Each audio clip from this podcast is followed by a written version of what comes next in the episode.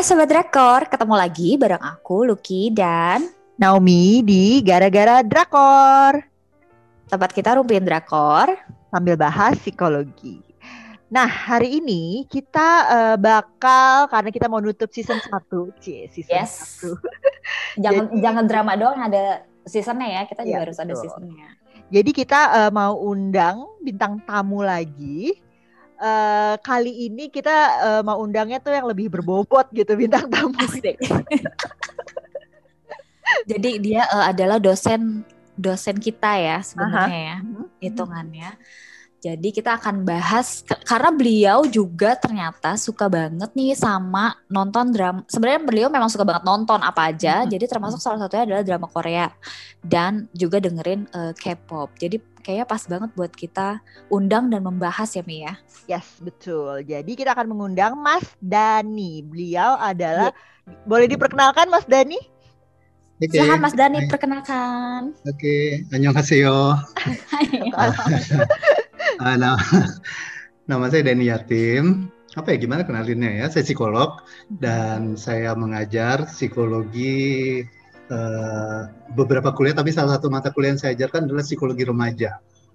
Nah, Mungkin kalau psikologi remaja itu saya senang sekali memutar film buat mahasiswa nonton atau memilihkan film antara lain film-filmnya juga film Korea. Oh iya. beberapa drama juga ya. Dan Oh. eh, pada dasarnya saya memang eh, memang orang yang suka nonton film, ya film apa aja dari dulu festival film apa pun eh, yang nggak mainstream pasti akan ditonton juga gitu dan dan Oh. di antaranya memang eh, aku tuh suka film Korea beberapa film Korea. Ini belum ngomong drama dulu ya.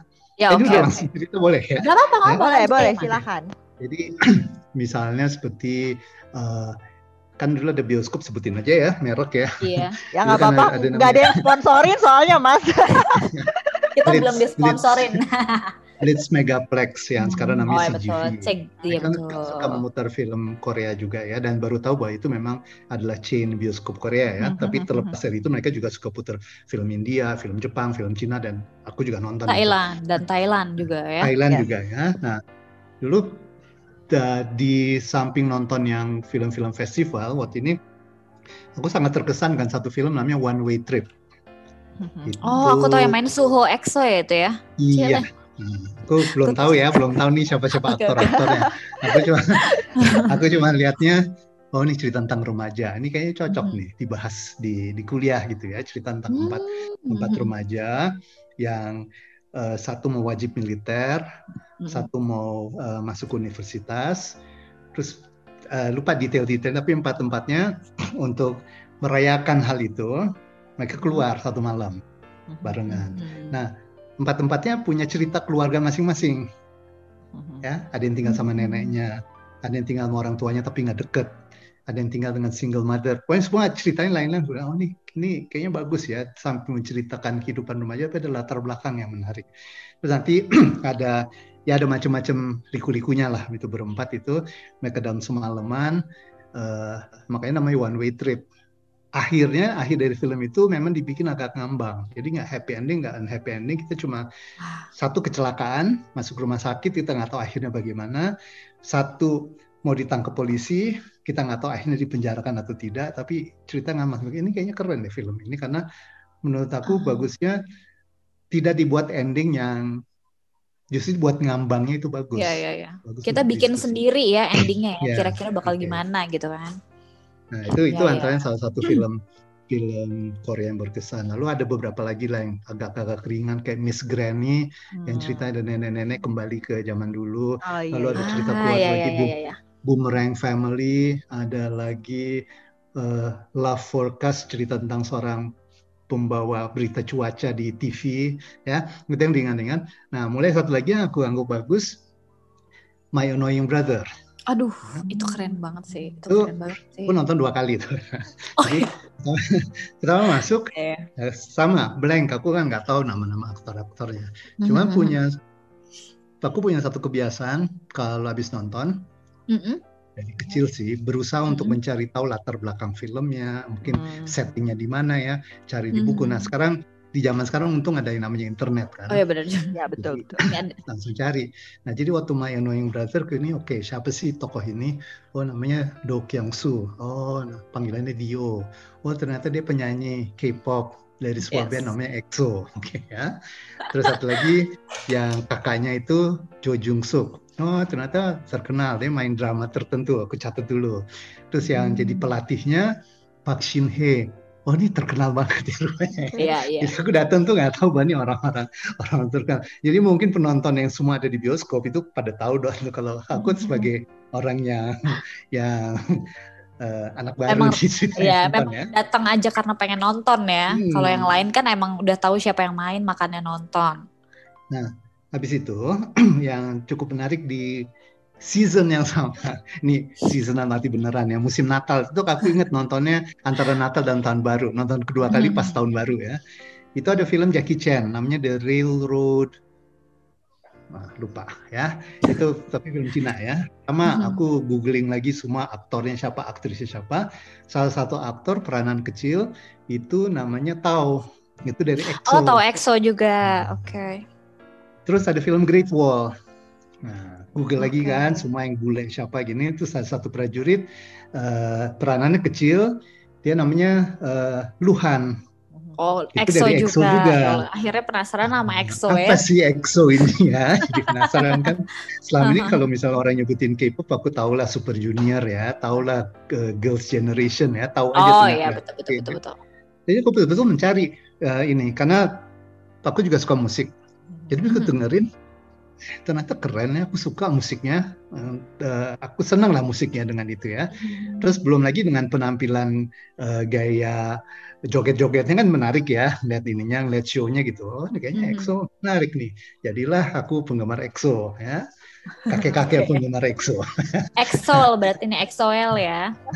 Nah, di saat yang sama nih nggak tahu secara kebetulan atau memang kalau orang suka percaya bilang apa uh, semesta yang mempertemukan gitu aku masuk ke sebuah toko buku di Plaza Senayan uh, Times Bookstore Books and Beyond lupa bukan Kinokuniya oh. tapi ada di bawahnya hmm. ada sale ada buku-buku gitu salah satu buku namanya Korean aduh kok lupa judulnya ya bahkan pengarangnya aku lupa tapi aku merujuk itu karena akhirnya aku menulis sebuah artikel di Jakarta Post ya. Buku hmm. itu menceritakan tentang bagaimana Korea Selatan uh, menjadi negara yang maju mulai dari hmm. tahun 80-an ke atas. Jadi dulu Korea Selatan adalah sebuah negara yang negara berkembang. nah, di situ ada gitu ya. bagian-bagiannya ya. mulai dari orang-orang Korea yang ada di luar negeri, di luar Korea hmm. maksudnya, oleh pemerintahnya dipanggil pulang. Yuk hmm. bangun Korea Selatan, kira gitu ya. Nah, nanti ada satu, ini yang nulis, yang nulis adalah seorang uh, wartawan cewek. Hmm uh, lama tinggal di Amerika, tapi dia bukan Korean Amerika. Jadi dia memang, memang asli Korea. Memang asli Korea, tapi karena ikut bapaknya ke Amerika, besarnya di Amerika. Nah, bapaknya termasuk salah satu orang yang dipanggil pulang oleh pemerintah. Oh, oke. Okay. Nah, mereka pulang. Ini semua tuh dijamin lah oleh pemerintah. Tinggalnya di Gangnam. Oh, jadi Gangnam oh, Style okay. baru tahu nih ya. Gangnam itu daerah elitnya Seoul ya. gitu ya. Jadi muncullah ini semua yang orang-orang elit dan Gangnam Style atau Gangnam Style tahulah oh, lagunya. Ternyata iya. juga kritikan terhadap para orang-orang kaya baru di Seoul ya. Nah, begitu baca buku itu ada satu bagian khusus membicarakan tentang Korean drama.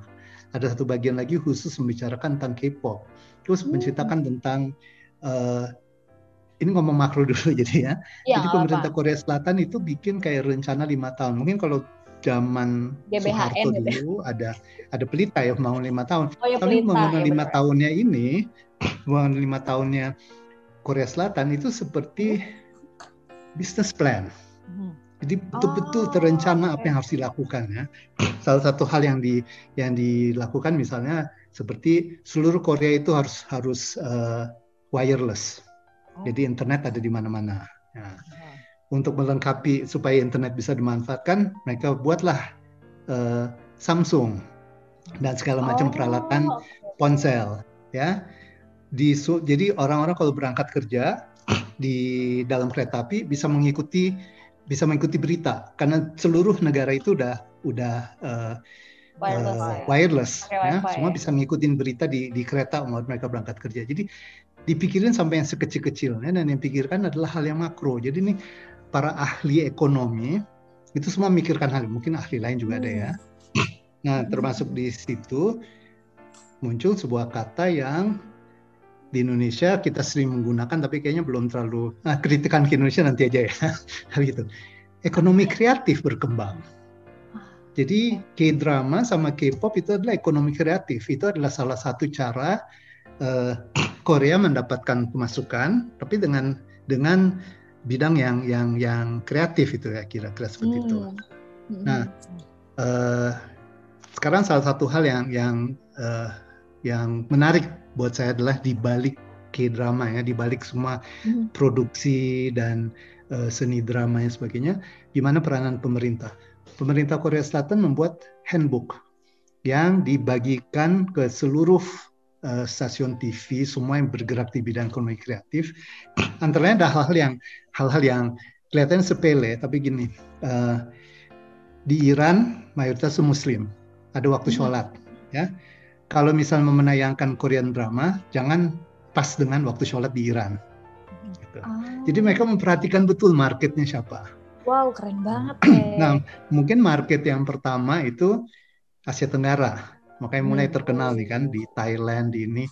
Eh, pernah juga nonton sebuah film Thai namanya Hello Stranger. Di situ ceritanya si cewek Iya, iya, iya. Itu bagus tuh. ceweknya pergi ke pergi ke Korea ikut tour mengikuti napak tilas film Winter Sonata yang Ya. saya tidak nonton.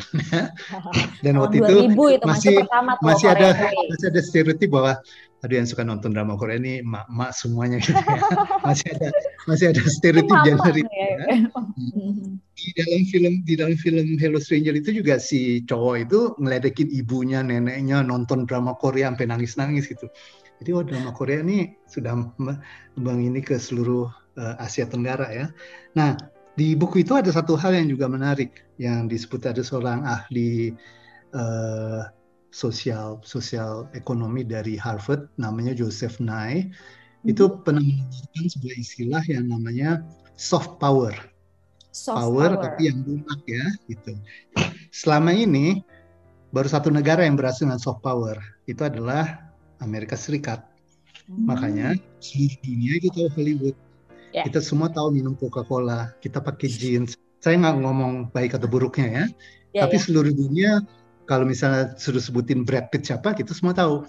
Seluruh dunia bisa nyebutin yang yang eh, bintang film yang lama lah gitu. Elizabeth Taylor ya dari sejak tahun 50-an semua orang Indonesia, orang Jepang, orang mana pun tahu gitu. Ya, Jadi betul. Amerika berhasil masuk menguasai dunia lewat itu. Nah kalau orang suka bilang eh, budaya Barat, aku nggak setuju. Yang kita tahu adalah budaya Amerika. Barat kan kita nggak tahu Prancis, kita nggak tahu Jerman, kita nggak tahu Italia, kita nggak tahu Swedia, kita taunya Amerika. Nah Hmm. Amerika itu hanya pernah digoyahkan sedikit oleh Inggris. Jadi ada namanya British Invasion itu terkenal Yes. waktu Beatles Betul. jadi terkenal di Amerika. Rolling Stone semua band tahun 60-an itu semua dari Inggris, makanya dibilang ada British Invasion. Gitu. Hmm. Nah di tahun 2000-an ada invasion yang lain dari sebuah negara di Asia yang namanya Korea Selatan. Korea. gitu. Jadi Dengan Hallyu-nya ya. Hallyu itu kan diterjemahkan Korean Wave ya. Oh, iya. sebenarnya juga juga juga kadang-kadang diterjemahkan sebagai Korean Invasion ya adalah adalah serangan yang halus dari Korea ke seluruh dunia. Nah, coba buka di YouTube aja deh misalnya ada ada lagu atau ada drama. Lihat komen-komen orang. Nggak peduli orang komen pakai bahasa Arab, bahasa Spanyol, bahasa tulisan huruf Thai, huruf India gitu ya, semua ba- bahasa Indonesia pun ada gitu. Orang nggak peduli. Jadi Betul, betul. ini betul-betul me- Ya. me- merambah ke seluruh dunia ya. Terus Mhm. eh, ini jadi sedikit ngomongin K-pop juga ya. EXO main Mhm. di Meksiko. Mereka khusus Meksiko. menyanyikan sebuah lagu bahasa Spanyol Mhm. ya. Sebuah lagu Spanyol, lagu jadul dan aku masih ingat waktu kecil karena bapakku senang lagu-lagu Latin Amerika ya. Ya Mhm. ampun nih kayaknya lagu gue dari waktu kecil gue tahu deh lagu ini ya. Tapi EXO nyanyi dan seluruh orang Meksiko itu termasuk yang tua-tua sampai wah gitu ya. Jadi Karena akhirnya- merasa lagu kebangsaannya Iya. dinyanyiin istilahnya gitu Nah. ya. ini kalau menurut aku bukan kebetulan. Mhm. Ini dirancang. Ini ada ada ada planning, ada ada planning, ada makro planningnya semuanya Korean drama, Korea, K-pop segala macam. Bagaimana seluruh dunia bisa mencintai Korea. Nah kalau Hmm. lihat dari eh, pengaruh yang sedikit mikro dulu ada aku punya teman teman kuliah Mhm.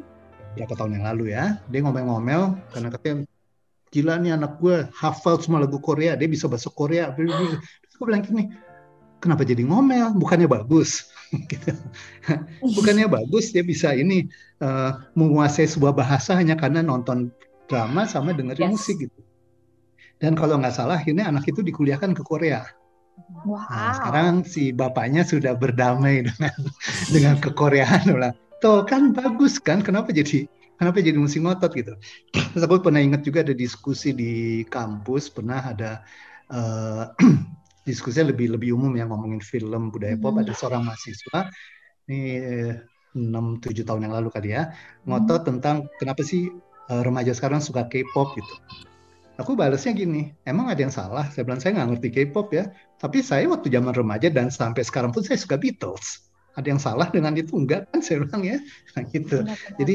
Kadang-kadang kita suka terlalu kasarnya gini lah ngomong anak gitu, udahlah nggak usah sok nasionalis banget lah gitu ya maksudnya. Mas, mungkin anak itu sekarang 6-7 tahun kemudian dia udah jadi K-popper sih. Soalnya dulu kan saya juga nggak suka K-pop, sekarang dengerin juga.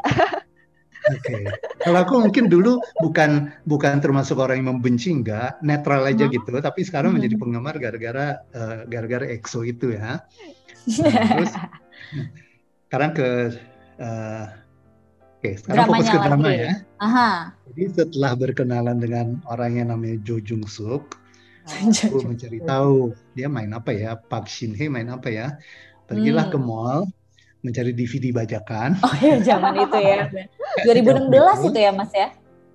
Eh, Iya. 2000 enggak enggak enggak 2016 aku agak telat Oh, nih late Hmm. bloomer jadi karena no- nonton nonton My Annoying Brother My itu Brother.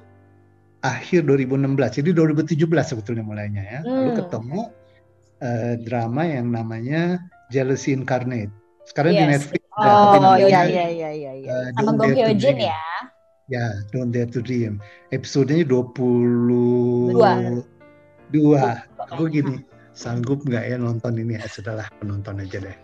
Terus juga kalau dulu di Jakarta Selatan ada tempat eh, penyewaan DVD Hmm. eh, dan film-filmnya film-film pilihan gitu ya. Aku juga suka mencari drama di situ juga akhirnya. Tapi yang Hmm. paling pertama aku, aku nonton itu eh, Don't Dare to Dream ya, Jealousy Incarnate, sama eh, Park Shin Hye itu filmnya Doctors ya kalau nggak salah ya. Dokter. Oh iya, Doctors. doctors, Ya, doctors. Tahun-tahun itu ya, 2016. Aku lupa. Sebenarnya sih Kayaknya enggak sih. 2016 tuh Pinocchio dulu ya. Oh iya, piano. Itu Pinocchio dulu. Jadi itu Pinocchio kayaknya aku nonton, aku nonton itu dulu yang yang eh, Don't karena dia Dream. baru kayaknya ya di 2017 itu ya Doctors ya. Coba Nah, kita cek. Yang aku suka dari drama itu adalah di samping ceritanya oke lah rom romantika, pacaran, jatuh cinta dan sebagainya, eh, cinta segitiga, dua cowok rebutin satu cewek, biasa lah Yes, gitu ya. yes, yes. Tapi ini cerita tentang seorang TV anchor, ya. Oh, Jadi kita iya. tahu tentang dunia pertelevisian. Lalu ada satu lagi yang menarik, si cowok ini, si Jo Jung Suk, lupa namanya di dalam film itu, kanker payudara. Hmm, menarik nih. Dan waktu saat itu baru aja mulai membaca bahwa eh, mulai ada beberapa kasus bahwa kanker payudara itu bukan cuma perempuan, tapi laki Yes. kena. Dan langsung diangkat di Diikuti drama di itu dalam gitu ya. di dalam film itu. Terus ternyata ada urusan juga dengan eh, masalah gender, ada urusan kelaki-lakian, maskulinitas. Dia merasa malu bahwa dia kanker payudara.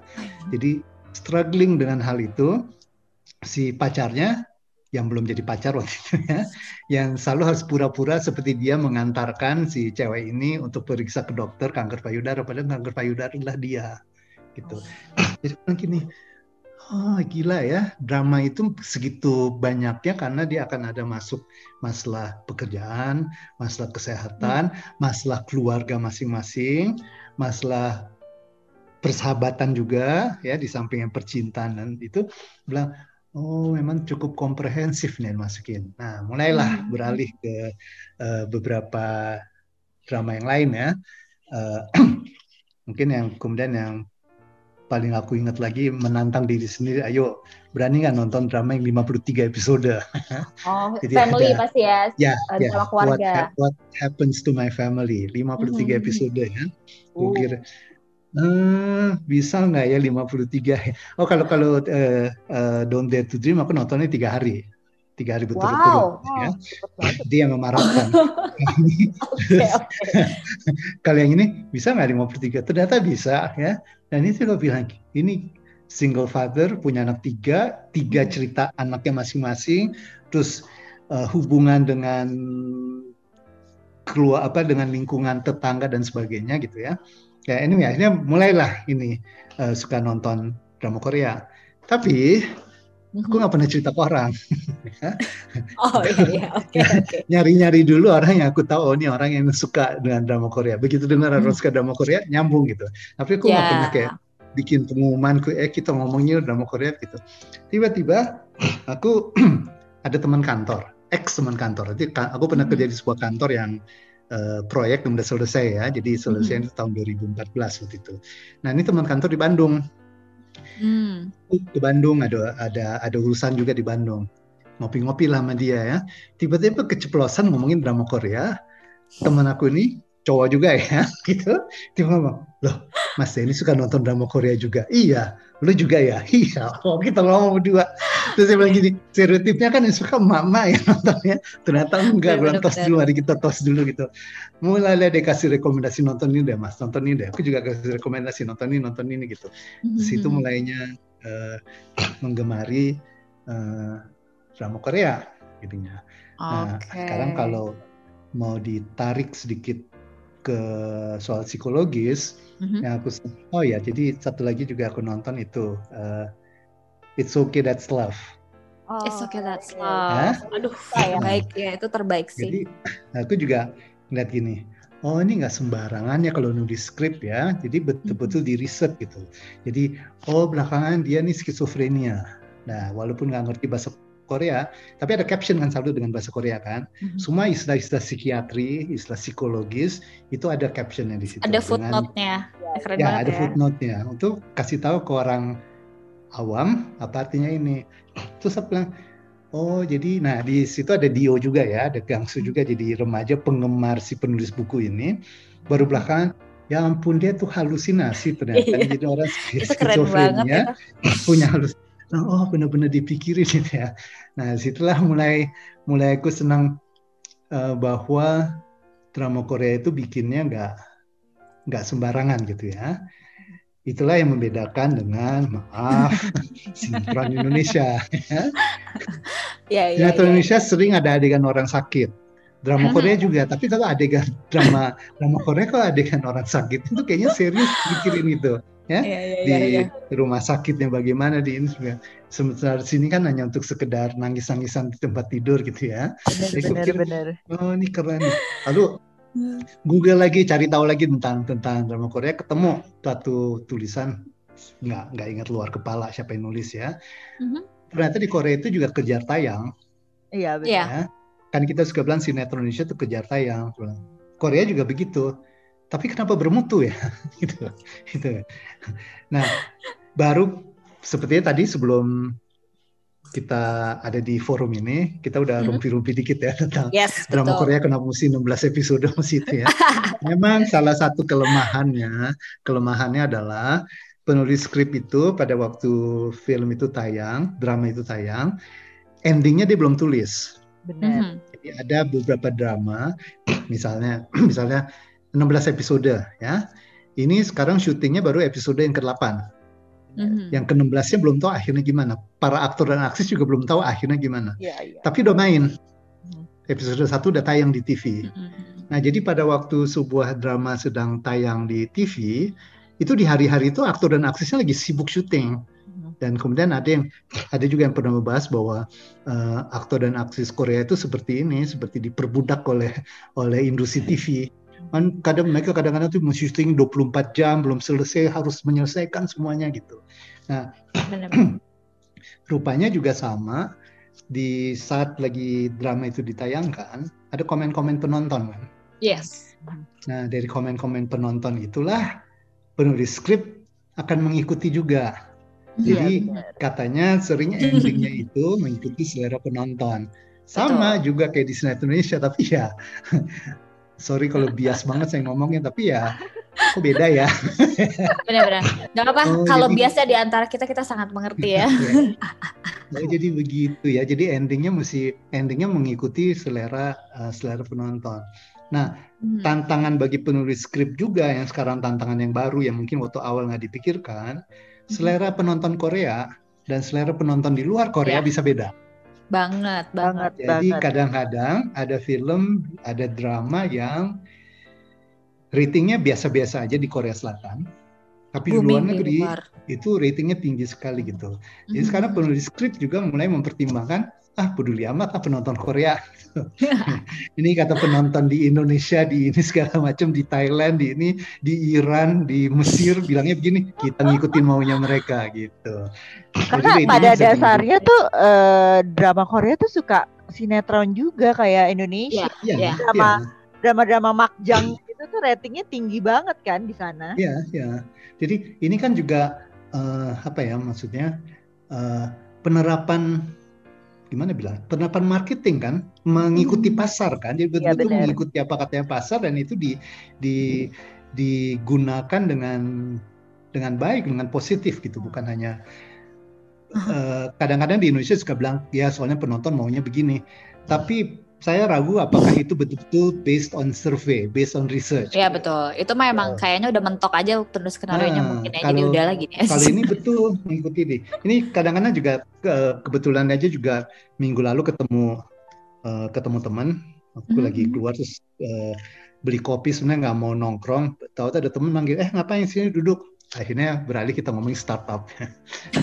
terus ngomongin bahwa drama-drama itu kenapa kadang-kadang hal yang kecil ya sekarang mulai Indonesia sering disebut-sebut dalam drama oh, iya. ya yes yes ini pergi ke Bali gitu aku bilang hmm. itu pasti bukan kebetulan itu suatu hal yang, Emang di, yang dirancang yang ya. sengaja untuk supaya penonton Indonesia ih asik loh Indonesia disebut gitu ya aku di startup ada satu ada satu adegan si uh, siapa namanya yang si cowok yang bertiga Chulsan. itu dari Samsan, Chulsan, Chulsan. ya. Chulsan. Chulsan waktu awalnya waktu lagi PDKT sama si Saha. Sana.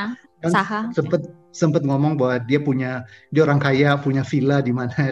Terus saya sebutin gitu ya, ah, Santorini, kota Kinabalu, ya. Yeah. Kayaknya random ya. Itu pasti yeah. untuk menarik perhatian orang Malaysia. Betul, gitu. betul. Jadi aku pikir, eh, ini hebatnya Korea. Kecil-kecil tuh dipikirin ya apa jangan-jangan itu ya Mi ya kan eh, kita juga memperhatikan ya aku sama Naomi ya. Karena kan baru-baru ini aja memang akhirnya drama Makjang Makjang tuh yang drama banget gitu loh Mas yang kalau bagi kita tuh kayak azab. drama, kalau kita bilang itu emang lagi booming banget ya Mia. Ya. Padahal biasanya tuh enggak. Dan tahun ini mulai dari The World of the Married, terus kemarin sempat Lies of Lies, terus yang terbaru nih Penthouse. Hmm. Itu hmm. ratingnya luar biasa tinggi. Sebenarnya pas aku coba ngintip nonton, oh ini sinetron banget. Makanya apakah karena itu tadi Mas Dani bilang kan jangan-jangan penulis skenario nya dengerin keinginan-keinginan uh, yang paling banyak streamingnya mungkin Indonesia gitu mari kita hmm. bikin sinetron ala-ala yang disukai orang-orang di Indonesia biar pada nonton gitu jangan-jangan tapi iya. tapi drama si penthouse ini di Korea hmm. tuh memang ditontonnya tuh sama ibu-ibu Iya, ya, uh, makanya kan tinggi gitu rating nasionalnya bukan rating uh, apa kayak rating TV gitu gitu. Pas uh -uh. ini pas dicek-cek tuh bener-bener melebihi azab sih sinetron.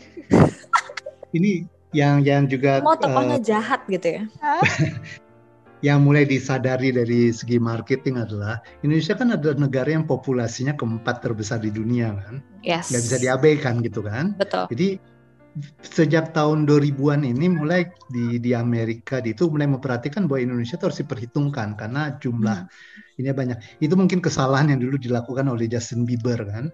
Justin Bieber kan pernah pernah memberikan komentar yang ada syuting di Indonesia, terus dia diwawancara di mana dia bilang itu di negara antah berantah in a random Oh country. iya benar. Marah dong fans Indonesia kan, fan Hmm. base Indonesia itulah yang terbesar f- jumlah fansnya di, di Betul, dunia. betul, Ya karena betul. kita jumlahnya sangat besar kan, jadi betul. jangan sembarangan lo ngedek Indonesia gitu kira-kira ya. Benar, Nah, jadi lihat di mulai- komen Instagram itu tuh bahasa Indonesia semua. Kalau komen Iya. Instagram orang-orang Parah, parah. gila sih. Iya, iya. nah, jadi banget. jadi apa namanya memang memang nggak bisa di beda dengan mungkin tahun 90-an ke bawah lah gitu ya. Hmm. Indonesia masih negara yang tidak tidak Diperhitungkan. terdengar gitu ya. Kayak eh, aku dulu kuliah di Amerika ya, awal 90-an. Ya, tapi bosen mesti menerangkan Indonesia itu ada di mana. Where you from Indonesia? Where is Indonesia? Udah kayaknya aduh bosen mesti ge- rekam aja kali ya ngomong gitu ya. Tapi kan sekarang kan udah orang sudah memang memang eh, mengenal dia di mana ininya Hmm. Indonesia. Dia Sampai Siwon Suju aja sekarang nge-tweet pakai bahasa Indonesia, Mas. Yes. ya ya Nah itu Nah, aku itu mau juga. ngomong itu tuh kayak Nah, di itu SM juga kan. selain selain Suju kalau di SM Entertainment karena dia kan punya di, punya istilahnya punya apa ya cabang di Indonesia kan Hmm. SM Iya, ini. benar, Iya. benar, Jadi Iya. salah satunya juga uh, uh, NCT itu bahkan mereka ada uh, kayak YouTube daily-nya mereka belajar bahasa Indonesia. Itu kan Indonesia. marketnya pasti yang ditarik emang itu warga Itu- Indonesia banget. Nah itu kesalahan si Justin Bieber kan.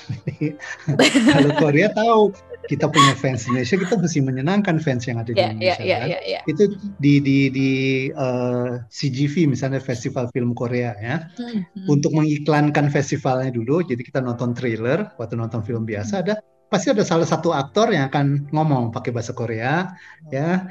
Terus Ya. Eh, untuk penonton di Indonesia, jangan lupa nonton film saya. Saya juga akan datang ke Jakarta, gitu ya. Terus nanti berakhir dengan terima kasih. gitu ya. ya, ya, terima kasih. Ya, itu kan hal-hal kecil yang orang Indonesia tuh suka yang kayak gitu kan. banget, banget. Obama kenapa populer? Obama hanya tinggal ngomong ceramah bilang sate, bakso, oh semua tepuk tangan gitu ya.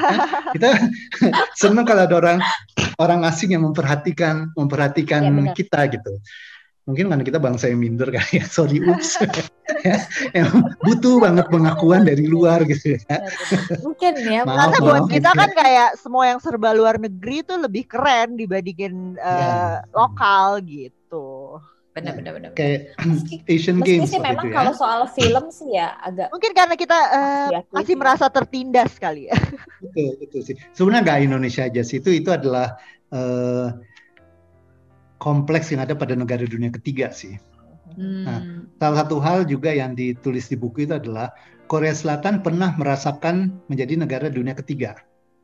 iya Jadi ya. mereka mengerti, mereka mengerti psikologisnya orang dunia ketiga. Jadi Pengen mereka juga diakui gitu, ya. yang kecil-kecil yang membuat orang Thailand senang, membuat orang Indonesia senang, orang Mesir senang gitu ya. Kalau Amerika dulu nggak pernah mikirin itu kan. Iya betul yang betul. penting betul. Mereka memasarkan semua produk Amerika, semua harus terima.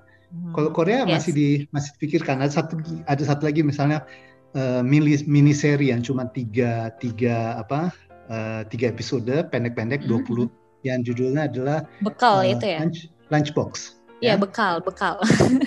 Oh namanya bekal ya. Oke. Iya iya kalau di Indonesia Jadi dia si- bekal. Si tokohnya si Jisoo, Jisoo eh, delivery ya nganterin makanan dari restoran bapaknya, mantir ke sebuah kampus.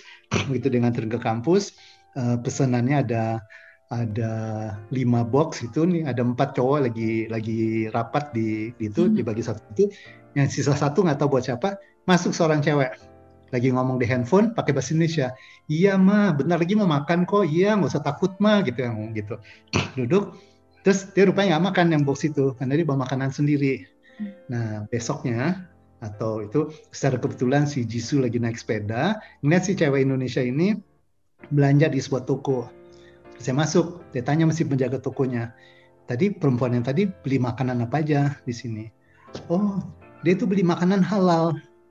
Halal? Apa itu halal?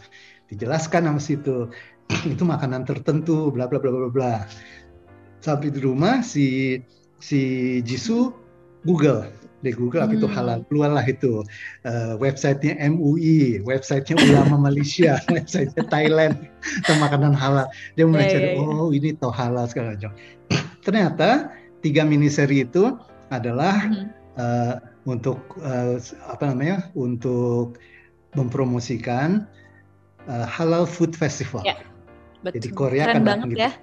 Dia bilang, oh benar-benar dipikirin ya, bikin bikin sesuatu tuh bikin bikin k dramanya dulu, ya, bikin cerita ya. dan ceritanya juga nggak sembarangan betul-betul di betul-betul di riset gitu. Dan itu film itu juga uh, tiga episode nggak dibikin. Uh, kita juga nggak tahu apakah kejadian apa enggak mereka berdua ya, gitu ya. Pokoknya tiap tiap buka loker dapat bekal makan aja gitu. Jadi itu yang aku suka dari dari itu uh, Korea di balik itu uh, di balik drama di balik itu tuh ada mm -hmm. ada ada ada tim yang memikirkan hal itu tim tim iya, marketing yeah, yeah, yeah. tim riset ya mm -hmm. uh, mungkin saya nggak tahu kalau ada psikolog atau enggak tapi betul-betul mencari tahu psikologisnya dari tiap negara yang mau ini kan uh, kalau kita kita ini ke K-pop ya sekarang ya. K-pop mm -hmm. juga mm-hmm. buat saya juga menarik. Jadi kalau misalnya uh, mereka mencari penyanyi-penyanyi nih remaja, ketemunya di lomba-lomba lomba nyanyi. Di Indonesia banyak kan mm-hmm. lomba nyanyi ya. Iya, iya. Nggak ada seperti jadi ada ada apa namanya scout ya, talent scout yang mencari yes, ini yes. keren, ini keren gitu. Terus diajak mau nggak ikutan. Nah misalnya misalnya ini SM ya yang bikin. Mm -hmm. Jadi SM mengajak semua nih yang juara-juara itu atau pergi ke sekolah mereka merekrut. Nah si remaja ini yang mungkin masih SMA, mungkin ada yang SMP mm -hmm. juga, akan ikut training dan training itu nggak training ece-ece gitu nggak training. Iya gitu benar. Aja. Mereka trainingnya bisa tiga tahun, empat tahun, minimum dua hmm. tahun deh. Aku tahu kayak si Dio tuh kalau saya cuma dua tahun, tapi yang temen-temennya empat tahun, ada yang lima tahun. Baekhyun paling cepat dia, Mas Dan, dua bulan. Dua bulan. Baekhyun okay. sama Chen. Tapi umumnya semuanya kan bertahun-tahun ya, ya, dan itu dilatih latih vokal ya. Hmm. Jadi nyanyi nggak sembarangan. Itu ada pelatih vokalnya. Terus goyang-goyangnya ada koreografernya ya. Hmm. Mereka belajar juga artikulasi. Mereka belajar oh. juga public speaking. Jadi kalau yeah. misalnya diwawancara mereka tahu cara ngomong gimana. Kalau di Indonesia kan banyak yang aktor aktris begitu dia diajak ngomong jawabannya ya begitu deh gitu aja ya nggak clear gitu ya. ya, ya, ya. itu semua udah di uh, udah di, di, di ada orang di balik layar yang yang yang membentuk mereka. Mm-hmm. Lalu kemudian baru ada tim yang mulai mengamati, eh, kayaknya si Dio cocoknya masih Kai ya, cocoknya masih Sehun sama Suho ya, cocok sama si hmm. sebutin 12 orang, kita jadiin mereka satu band ya, 12 orang ini. Hmm. Jadi 12-12-nya itu sudah ada chemistry sebelumnya bertahun-tahun, ya, berbulan-bulan. Jadi bukan hanya asal dibentuk, dipaksa untuk main bareng. Itu udah terjadi pertemanan, persahabatan betul, di antara betul. mereka. Gitu udah family lah ya. Semua, ya, semua band yang lain. Jadi mereka begitu tampil, memang udah solid jadinya. Nah untuk hmm. tampil baru mulai nih, ada tim marketingnya, ada tim promosinya. Terus kalau di panggung, nggak cuma nari dan ada tim multimedianya kan akan bikin betul, di betul. belakangnya bagaimana.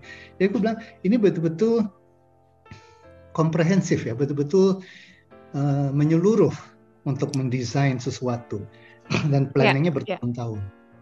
Jadi langsung enak gitu ya ngelihatnya ya Mas ya. Apalagi mereka tuh untuk sampai jadi ya artis, jadi idol itu tuh memang udah ada training yang nggak kayak kita di sini kayak punya bakat di sedikit, cakep dikit suaranya nyanyi aja deh gitu kan. Kalau di sana kan, kan hampir nggak pernah loh di kalau di di Korea itu hampir nggak ada idol yang tanpa training gitu loh. Jadi yeah, memang kayak yeah. Blackpink uh, ada dokumenternya uh -huh. di Netflix yeah.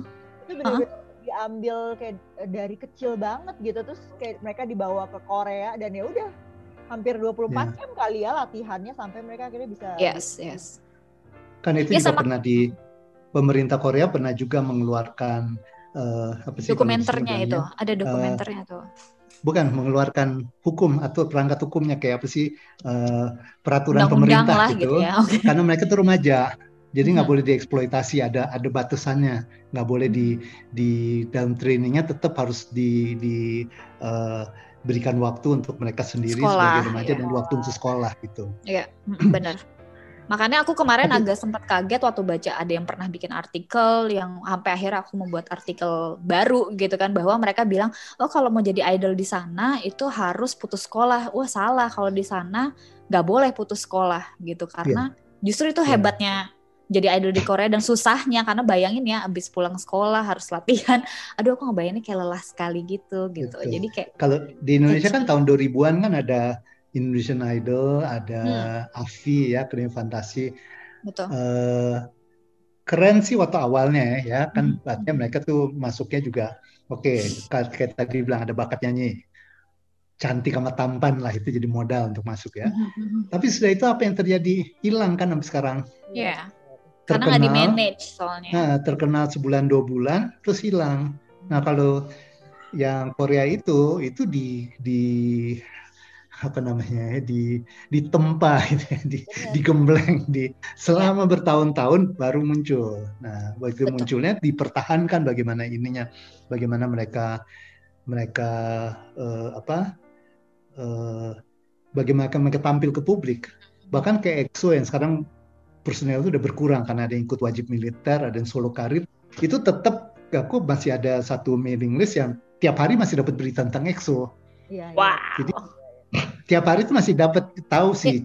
beneran Iya. Excel sejati nih kayaknya kalau Mas Dani sampai dapat mailing list loh. Sini lagi ngapain, sini lagi ngapain gitu ya. Iya. Jadi meskipun meskipun dia wajib militer, meskipun dia solo karir, itu tetap di di apa kita di, eh, beritanya di provide ada. lah ya kita di provide Iya. dikasih berita nih idol yang lo suka lagi ngigi begini nih gitu Dan ini bukan ini bukan berita yang aku di mailing list bukan berita eh, bukan kayak berita website buat remaja ya. Ini betul-betul berita, berita yang Iya. resmi dari dari dari SM SM dari apalah gitu ya. Iya. Jadi tetap dikasih tetap dikasih tahu gitulah yang aku eh, bisa bilang mengagumi Korea Selatan di situ. yes yes Di- jadi mereka di balik serius layar sekali itu ya banyak hal ya. Jadi bukan asal bukan asal jadi. Kalau nggak salah sempat juga ngobrol lupa deh. Kayaknya waktu di ngobrol yang sama Melia sama Harry ya. Mhm. eh, merek misalnya kan, Hmm. semua produk-produk Korea tuh harus ada kan di situ ya. Jadi eh, kalau misalnya apakah itu sponsor atau atau bukan, tapi pasti kalau kita lihat kan handphonenya pasti Samsung. Iya benar-benar. Terus- Kalau dulu Ya, sempat habis- Oh iya benar. Terus mobilnya tuh kalau nggak Hyundai, eh Kia. apa, Kia. Kalau dulu pernah, eh, aku pernah di Bali ya di Ubud ada sebuah eh, Ubud Writers Festival, tapi pernah ada satu sesi tentang perfilman. Jadi ada sutradara terkenal dari Malaysia, namanya Amir Muhammad ya. Terus dia cerita eh, sempat ada diskusi tentang Malaysia Indonesia itu pemerintah perlu nggak membuat kuota seperti misalnya bioskop itu harus Hmm. memutar film nasional, film produksi dalam negeri itu sekian persen banyaknya. Hmm. Si Amir bilang begini, itu yang dilakukan oleh Korea Selatan. Tapi di Ah. Korea Selatan tuh bisa bagus, dia bilang gitu, eh, karena filmnya juga bermutu. Ya. Betul, baru mau segini. bilang. Terus saya bilang gini, maaf ya buat teman-teman dari Indonesia ya, dia bilang gitu ya. Dia ngomongnya setengah campur aduk Inggris dan Indonesia, dia bilang, maaf buat teman-teman di Indonesia ya. Saya takutnya kalau di Indonesia diberlakukan undang-undang seperti itu, nanti nonton. keluarlah itu pocong 1, 2, 3, 4, 5, 6, 7, 8, 9, 10, kuntilanak 1, 2, 3, 4, 5. itu akan muncul semuanya di bioskop kata gitu. ya ampun. Jadi yang film Indonesia yang bermutu itu bersaingan dengan film-film gitu demi eh, hanya karena bioskop kan akan pakai itu demi memenuhi memenuhi kuota. Nah, apakah itu eh, kalau kita mau belajar dari Korea Selatan harusnya banyak Bikin dulu yang bagus lah gitu ya. Ya. Iya benar. Ada apa dengan cinta misalnya ya?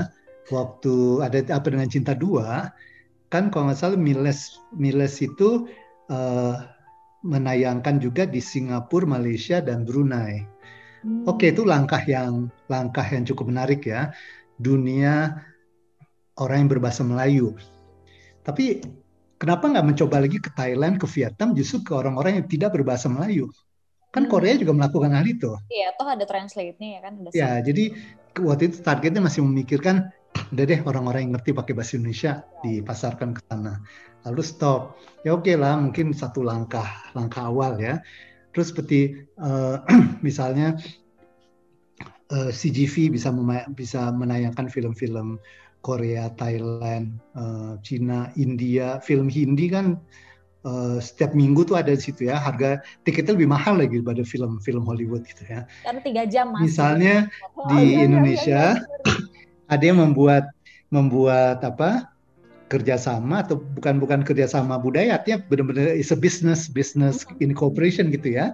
Dengan bioskop di Malaysia kayak bioskop di Thailand gitu memutarkan film-film film-film uh, Indonesia. Aku kalau film Thailand aja bisa nonton ya.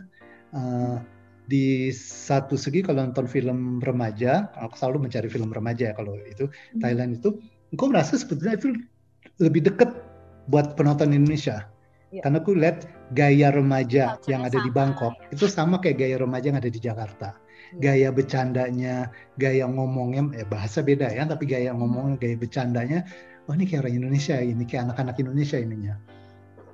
Oke. Okay. Gitu. Eh, kebetulan nih kayak waktunya udah tinggal dikit lagi nih Mas. Uh, kalau tadi kita udah tahu ya kalau K-pop idolnya Mas Dani favoritnya udah pasti EXO ya kan udah sampai punya mailing list langsung dari itu jadi gak usah ditanyain lagi mungkin ya. Tapi okay. mungkin kalau misalnya nanya dari tahun 2017 dan nonton drama Korea dan film Korea, boleh tahu dong kalau misalnya menurut Mas Dani apa sih yang paling bagus dari sekian banyak drama Korea dan film Korea yang udah Mas Dani tonton? Favoritnya. Buat rekomendasi ya. kita Nah, ya favoritnya. Jadi yang mungkin kalau kita belum nonton kita akan nonton gitu atau, ya. Atau drama, uh, eh, drama atau film yang psikologis banget, yang secara psikologis itu kita bisa belajar deh. Nah, nah mungkin betul. aku nontonnya nggak sebanyak Lucky sama Naomi ya. Jadi apa namanya perbendaharaan filmnya masih terbatas ya. Tapi hmm. hampir semua yang tadi aku nyebutin judul-judulnya aku ingat berarti aku suka film itu. Aku okay. ya mungkin kan itu pertama ya uh, Don't Dare to Dream aku sangat terkesan okay. karena itu menceritakan tentang kehidupan seorang TV anchor tapi si laki-laki itu kanker payudara. Yeah. Nah, itu buat saya itu sangat menarik uh, It's Okay That's Love juga karena itu cerita antara psikiater dan seorang penulis lalu schizophrenia ada halusinasinya oh, adegan yang paling paling aku suka nggak bukan paling sih banyak adegan aku suka tapi uh-huh. ada satu adegan di mana si uh, uh, siapa sih nama ininya uh, Jo In Sung aja ya. Nah, itu kayak mau mengucapkan perpisahan kepada halus halusinasi. Oh iya itu. Oh, iya, ya? iya, iya, iya. Jadi dia melepaskan sepatunya, eh memakaikan sepatu ke si Dio. Ini adegan yang sederhana tapi buat aku sangat mengena gitu ya. Jadi ya. itu seperti kalau kita di psikologi kan sering bilang gitu, kita harus memberi harus ada kayak waktu atau kadang-kadang upacara untuk mengucapkan selamat tinggal kepada masa lalu kita. Gitu ya. Oh, Jadi iya, iya. move on gitu. Saya bilang, oh, oke, okay, ini ini yang namanya move on ya. Kita tinggalkan yang lama itu aku suka. Oke. Okay. Kalau yang tadi What Happens to My Family juga aku suka mm -hmm. karena itu drama keluarga, dinamika keluarga, ada masalah menjadi single father, ada masalah tentang mm -hmm. di keluarga itu bukan hanya ayah tapi ada juga tante, terus ada mm -hmm. juga nanti urusannya sama uh, kakek nenek, tapi juga ada urusan perbedaan kelas. Jadi anak hmm. sulungnya, anak sorry, anak laki yang sulung itu dokter, kemudian uh, seperti tanda kutip diatur sama direktur rumah sakit itu supaya kawin sama anaknya. Nah itu adalah keluarga yang elit, dia keluarga biasa-biasa aja. Lalu kelihatan pertentangan antara yang kaya dan bukan miskin, ya, tapi kaya dan biasa-biasa ya. aja. Ya. Itu juga yang ada di film di film apa yang menang Oscar? Uh, Parasit. Aku jadi lupa namanya. Parasit. Uh, Parasit ya. Itu kan juga sebenarnya menceritakan perbedaan kelas kan? Ya betul betul. Jadi yang kita lihat oh perbedaan kelas tuh ada juga di Korea ya. Nah gitu. Banget, banget, banget. Jadi, Karena kan justru kayak film-film recehan yang kita sering nonton ceritanya kebanyakan tentang itu ya Mia, perbedaan kelas. Iya, iya, iya benar. oh gitu ya? Iya. Ya. Oh yang Kalau nonton itu. yang recehan emang begitu Mas justru iya, ceritanya yeah. Cinderella story. Jadi ada zamannya drama Korea itu tahun cowok kaya, cowok kaya, hmm. cewek miskin. Betul, betul. benar, benar, benar, benar. Terus rebutan. Salah satu stereotip lagi kalau drama Korea adalah itu ya dua cowok memperebutkan satu cewek kan. Oh iya, benar kalau film Jepang, drama Jepang, kalau drama Jepang itu dua cewek yang memperebutkan satu cowok. Oh gitu. betul betul betul. Kalau dulu tuh aku sampai bilang kalau kalau di Korea selalu ada adegan airport, kalau di Jepang selalu ada adegan jembatan. Nggak tahu kenapa. Oh, gitu ya? Oh, Iya, Oke. jadi selalu ada pertemuan pasangan di jembatan kalau di film Jepang, drama Jepang Oh tuh. gitu ya. Heeh, Oke. Kalau di Korea nanti ada ngejar-ngejar sampai ke airport karena mau keluar negeri atau apalah pasti selalu Iya. ada adegan airport. sama adegan adegan gendong, gendong piggyback Iya. Iya, iya, itu sering banget. Harus Banget, kayaknya itu tuh.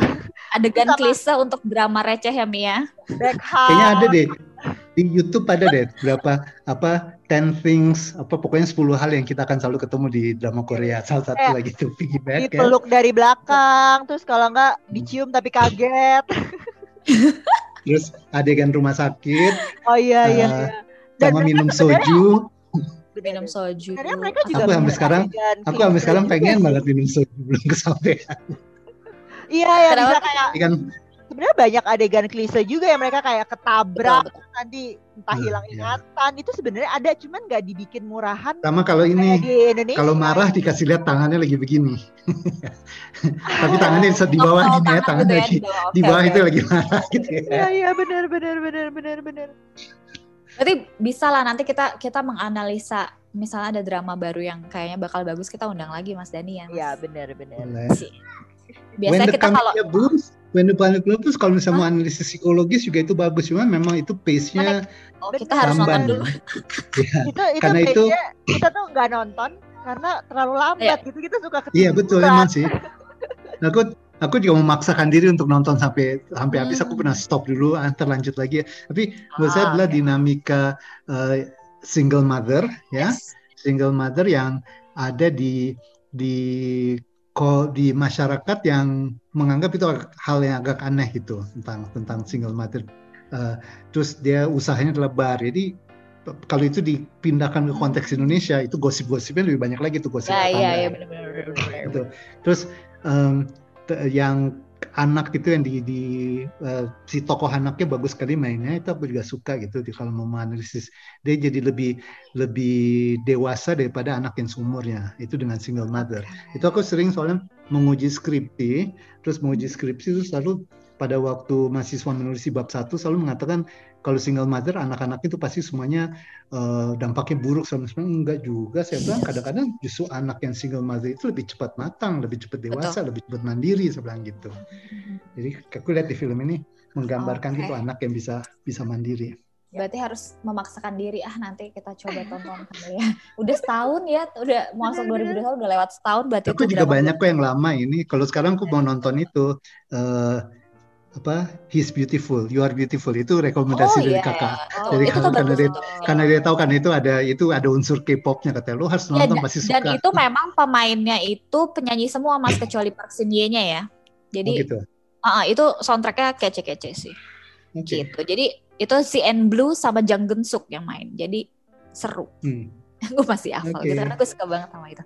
Oke deh kalau begitu oke eh, sekian dulu kali ya cerita hari ini. Tidak ini tuh kayak ya. merangkum, iya kita merangkum tahun ini season bahwa nggak apa-apa kok ya nonton drama Korea, dengerin K-pop. Pokoknya yang serba Hmm. Korea itu nggak berarti apa kalau dulu tuh kesannya emak-emak banget yang dengerin atau anak alay hanya yang dengerin K-pop ya Nah, kan. lagi pula Sekarang udah lagi- gitu. lagi pula kan gini kan Korean drama kan sebenarnya bukan hanya satu jenis kan Iya, bukan satu Eh, genre gitu ya. Misalnya Genre. aku nggak suka, aku nggak suka film horor dan nggak akan nonton film horor misalnya gitu. Betul. Ya. Sama Jadi, kita. Bukan berarti hanya karena karena sama-sama dari Korea, semua film Korea harus sama gitu. Sama seperti K-pop kan. K-pop kan Hmm. juga ada rap, ada yang ballad, ada yang jazzy, ada ada macam-macam. Betul. Emang Jadi- atau seharusnya aku mengundang mengundang Mas Dani di satu lagi tapi nggak apa-apa lah itu malam-malam nanti mungkin kita cari Oh, ada satu kesempatan. lagi ya.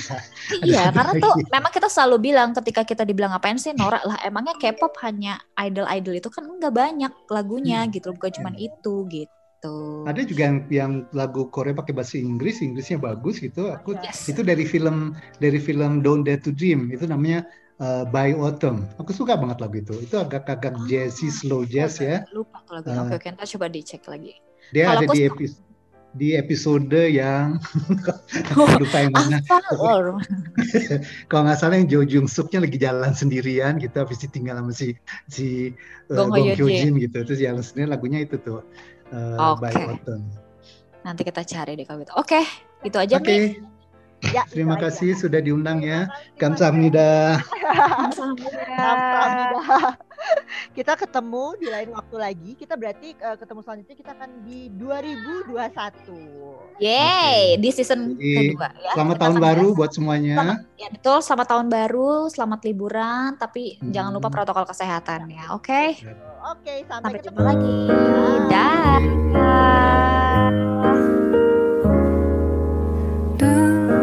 감아